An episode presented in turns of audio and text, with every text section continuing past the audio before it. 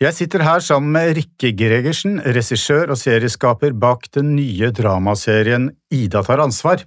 Velkommen, Rikke. Takk. Mange kjenner deg som en prisbelønt kortfilmskaper. Eh, du fikk blant annet sammen med dine medstudenter en student-Oscar eh, altså for eksamensfilmen fra Westerdals for få år siden.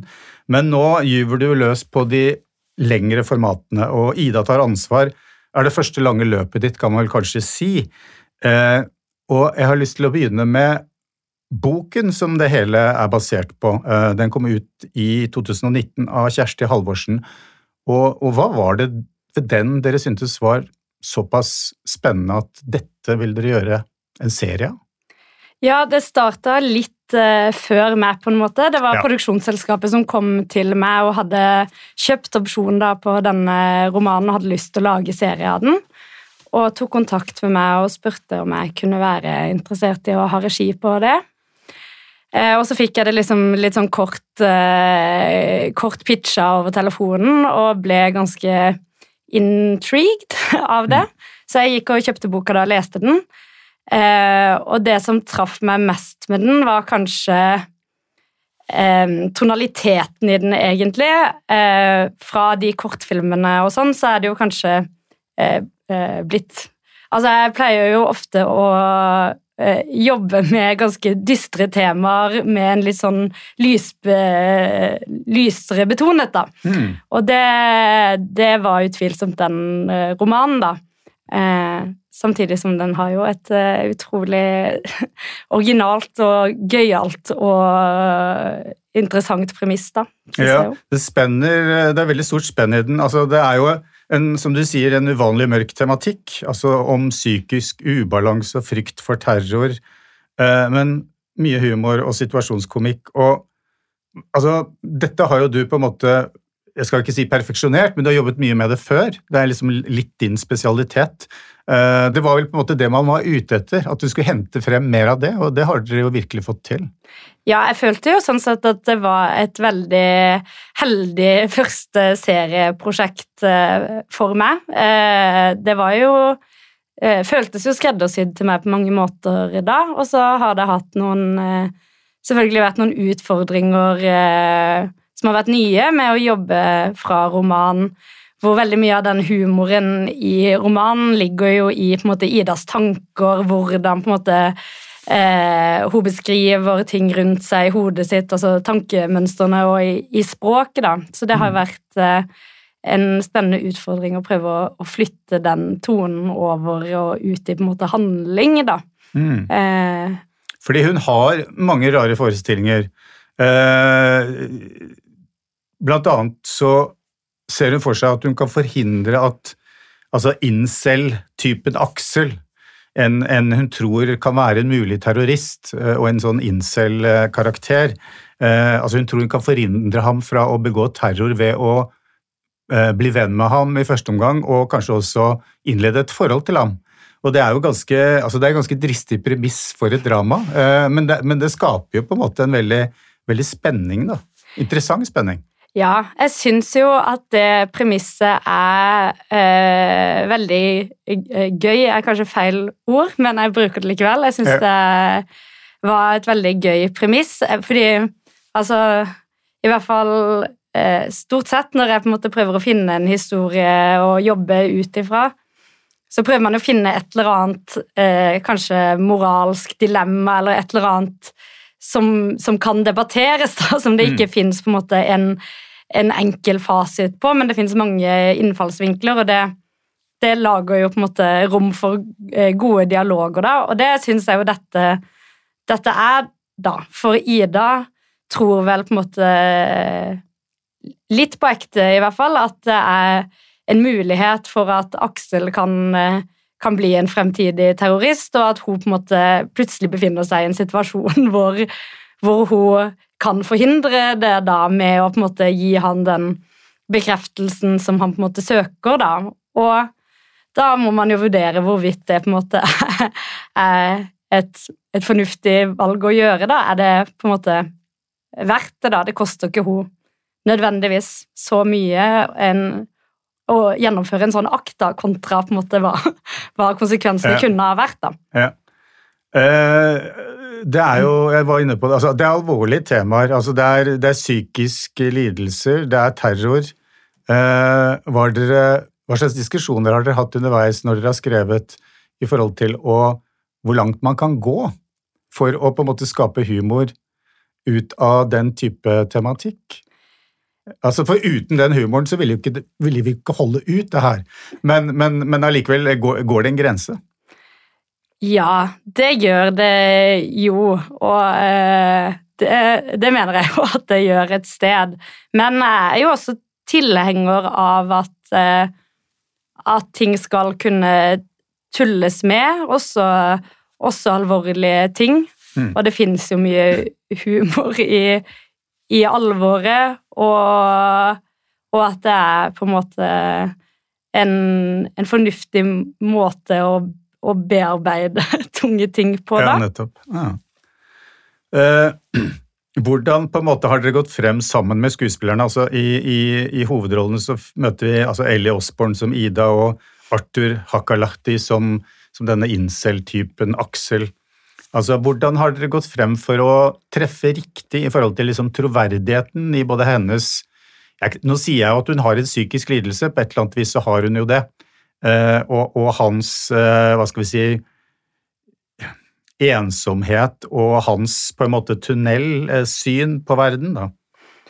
Ja, det har jo em, i utgangspunktet bare prøvd å Altså, det har jo også vært en kjemperessurs å ha den romanen i bunnen, selvfølgelig. Eh, men utover det så har jeg på en måte ikke jobba med Ida ut ifra psykisk syk, og Nei, nei, Aksel ut ifra på en måte den selv, men, men prøvd å liksom eh, eh, finne noe gjenkjennelig, i hvert fall i meg selv, da, hos begge de karakterene. Og prøvd å liksom jobbe ut ifra hva, hva de aspektene ved de som jeg, jeg tror er gjenkjennelige for meg og, og, mange andre, da. Mm. Jeg vet ikke om det var et svar på ikke Jo, det. men, altså, eh, det er det jo definitivt. Altså, øh, gjenkjenneligheten er jo noe serien spiller veldig på, og Ellie Osborne i hovedrollen har jo et ansikt man kan avlese veldig mye i. Eh, var, var hun i tankene dine ganske tidlig? Ja, det var jo var et eh, navn som kom på blokka veldig tidlig. Mm. Og så hadde jeg en runde med auditioner med eh, egentlig veldig få, eh, og Ellie var en av de. Eh, og så hadde jeg ikke flere runder etter det, for jeg, jeg syns eh, hun var fantastisk. Mm. Eh, og hun kom inn i på en måte prosjektet med, med veldig mye. Da. hun kjente seg veldig mye igjen i, i karakteren Ida. Eh, Vi hadde veldig mange gode diskusjoner rundt Ida som karakter, da, og rundt våre egne liv og hva, hva vi kjenner oss igjen i det, som jeg følte var på en måte helt avgjørende for eh, den som skulle spille Ida, da, at den, den hadde noen av de faktene eh, selv, på en måte, Mm. at, det, at det var gjenkjennelig for den, den skuespilleren skulle gjøre det. Ja, og så har hun jo en sånn kvalitet som, er, som går på dette eh, hva skal jeg si, som er vanskelig å beskrive, og det er at hun, hun behøver, behøver ikke å si så mye. Nei, hun er utrolig god på å underspille. Hun er Mm. veldig god på små nyanser. Hun har jo, ja, hun har jo et ansikt som man, man leser mye i, for det, det er store øyne og liten nese. Og det er liksom, hun er veldig uttrykksfull. Og det, det er jo også Var jo helt avgjørende her, for Ida, Ida snakker jo aldri om på en måte det hun sliter med, som er jo kjempeutfordrende for å skrive et drama. Mm. Erfarte jeg jo på en måte ganske fort. eh, At eh, så lenge hun aldri skal si til noen hva hun tenker på, så er det veldig vanskelig å, å, å lage et drama rundt det. Hun har jo ingen konfidanter, på en måte. Det, er, det er veldig interessant eh, det du sier, fordi både, både henne og, og altså, Aksel er innadvendte typer som ikke sier så mye, og de er, altså, de har hovedrollene, kan du si. Eh, Men så har man jo et sånt svært jeg holdt på å kalle det et gresk kor rundt dem, som, ja. som, er veldig ekstroverte. Og det er vel kanskje på en måte har jo vært nødvendig uh, å ha de som et slags speil. da. Absolutt, og de blir vel et, eh, et slags uh, speil, for uh, de lager jo i hvert fall omstendigheter som Ida og Aksel kan reagere på, da, og som mm. får de til å på en måte avsløre litt mer enn de kanskje vil si uh, av hva de tenker og føler. Mm. Arthur Hakalati spiller jo denne Aksel som er en incel-type, altså det jeg likte ved hans karakter, er jo at dere tar ham på høyeste alvor. Altså, vi, den type incel uh, Hvordan skal man karakterisere, beskrive incel? Det betyr egentlig uh, en person som, som, har valgt å leve et slags sølibat fordi uh, han regner ikke med, og det er som regel en han, regner ikke med å, å, å, å skaffe seg kjæreste uansett. Så det er et slags selvvalgt eksil fra, fra kjærligheten, kan man si. Ja, eller jeg vet ikke om det er selvvalgt, da. Altså, definisjonen er vel ufrivillig, da. Ja, Sølibat, okay, ja. på en måte. At uh, Ja, nettopp. Uh, men, men, men, men disse, dette er jo et sånn størrelse vi kjenner fra media, og det er jo på en måte en slags klisjé. Uh, men men Hakalati greier jo å virkelig tilføre det en slags dybde. det greier dere fint sammen. Kan du si litt om utformingen av, av den rollen? Ja, jeg tror jo Eh, som du sier, for det første at det incel-ordet er jo på en måte tillagt veldig mange andre kvaliteter som ikke nødvendigvis har noe med Altså det, det fins vel ikke på en måte en tydelig definisjon på hva det er. da, Det er tillagt mange kvaliteter som på en måte eh, ja, liker å spille PC-spill, spiser dårlig mat. altså Det er masse ting man, som i hvert fall Sofie Elise skisserer at man eh, kan definere det som. Men eh, for eh, for meg så har jeg vel tenkt at Aksel eh, er en, eh, en gutt som på en måte av flere årsaker havna litt utafor på et I de veldig sånn formative ungdomsårene, da. Han har jo en, en, mamma som er syk og sånn, da. Og at det har på en måte gjort at han kanskje har vært mer opptatt med det og innesluttet i noen av de formative årene da, og, og vært mye hjemme og hatt mest av sin sosiale omgang på internett. da. Og så, når man plutselig da, noen år senere skal prøve å komme ut igjen i verden, så har liksom alle andre løpt litt forbi, da. Mm. Alle andre har liksom debutert seksuelt, og de har vært på fester, og de har gjort en masse greier som man, man ikke man gikk glipp av, da. Mm. Og så gjør vel det at han da føler seg litt utenfor, da, litt annerledes. Og, ja, og det, det, gjør jo at han heller da søker på en måte de, de vennskapene og relasjonene på nettet da. Mm. Og det er jo eh, mange som gjør, eh, kanskje. Ja. Det er lett å komme sammen om å hate, da. Ja, ja, ja. Altså, I begynnelsen så er han jo demonisert litt av omgivelsene, øh, og ikke helt uten grunn. Uh, men det som jeg syns er interessant, er hvordan, hvordan, Ida og Aksel begynner i hver sin ende. Altså, vi er jo utelukkende på hennes side og aksepterer veldig mange av hennes valg i starten, mens vi på en måte har den motsatte tilnærmingen til han, og så, og så, så, begynner de på en måte å møtes på midten. Altså, vi får større forståelse for han. Uh, Ida begynner å ta en del valg vi ja, Det er jo det som gjør henne spennende, altså, eh, som, virker uh, ikke så, som ikke er så lett å forstå. Mm. Uh, ja, det er jeg enig i. Det har jo hele veien vært på en måte målet og tanken da. og ja, mot slutten så så jeg, er det lettere for meg å forstå og akseptere på en måte Aksels valg kanskje enn Ida, Ida sine. Ida kommer jo Eller det var en samtale med og Ellie hadde mye rundt, rundt eh, Ida, da, rundt det å være på en måte fylt med, med angst. Så blir man veldig sånn eh, hovedpersonen i sitt eget, eh, i sitt eget liv. Man, man, klarer liksom å dreie hele verden litt rundt seg selv, for det er på en måte en en egoistisk tanke å, å tenke liksom Det er typisk at akkurat det flyet jeg sitter på, det kommer til å styrte. Altså, alt er mm. veldig sånn, Du, du føler, plasserer deg selv veldig i midten i alle situasjoner, da.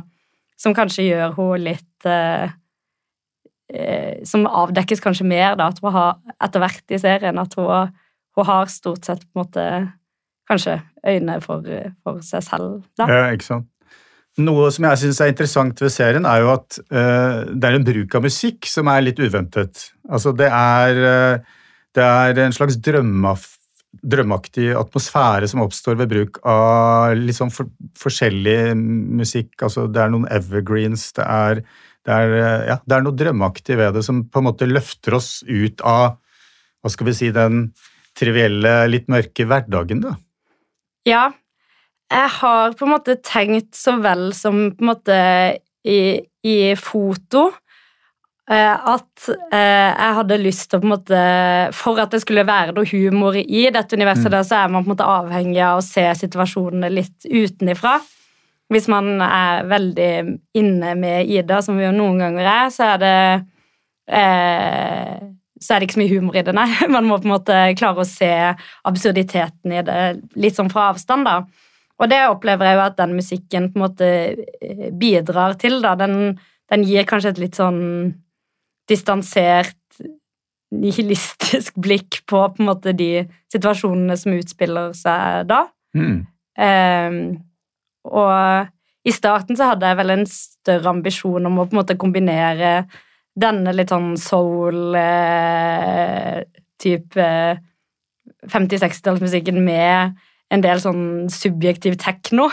Ja. Men det ble det på en måte mindre og mindre av. Litt sånn samme som det ble mindre og mindre av av voicen òg, som eh, i de første utkastene var mye større. Men eh, jeg opplevde egentlig litt, og kanskje også fordi Ellie spiller så bra som hun gjør, at eh, det ikke alltid var nødvendig å måtte være så mye hos Ida da.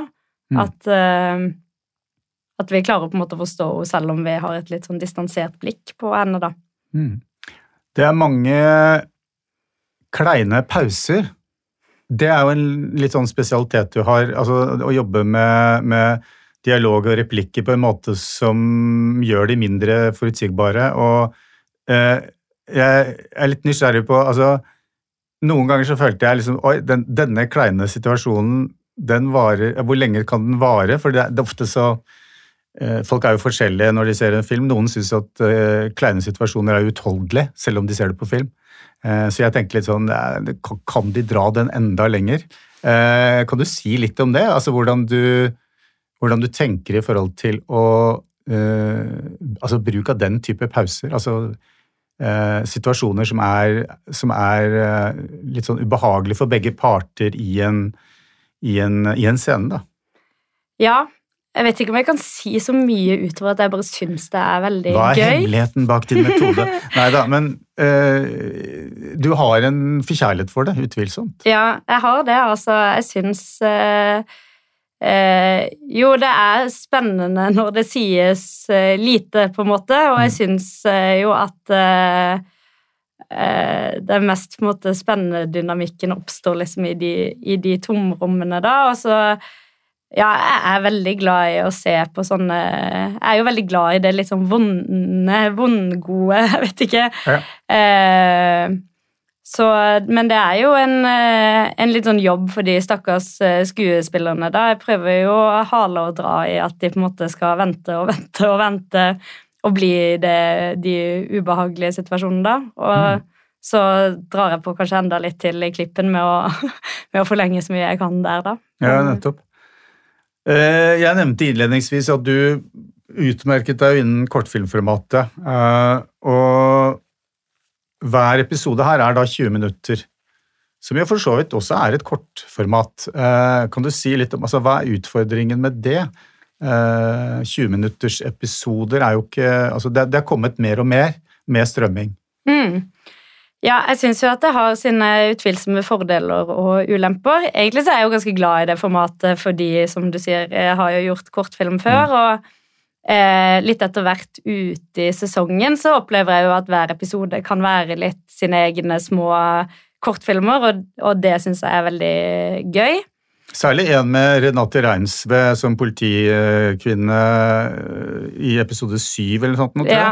Den jo veldig, står jo veldig, i hvert fall veldig lenge helt støtt som en egen slags autonom kortfilm, nærmest. Ja, absolutt. Og det syns jeg jo er veldig gøy å, å, kunne leke seg med, og det føler jeg jo også litt i familiebesøkene hennes, kanskje spesielt på Sørlandet og sånn. Da mm, det også, ja. er jo litt som en egen sidefortelling.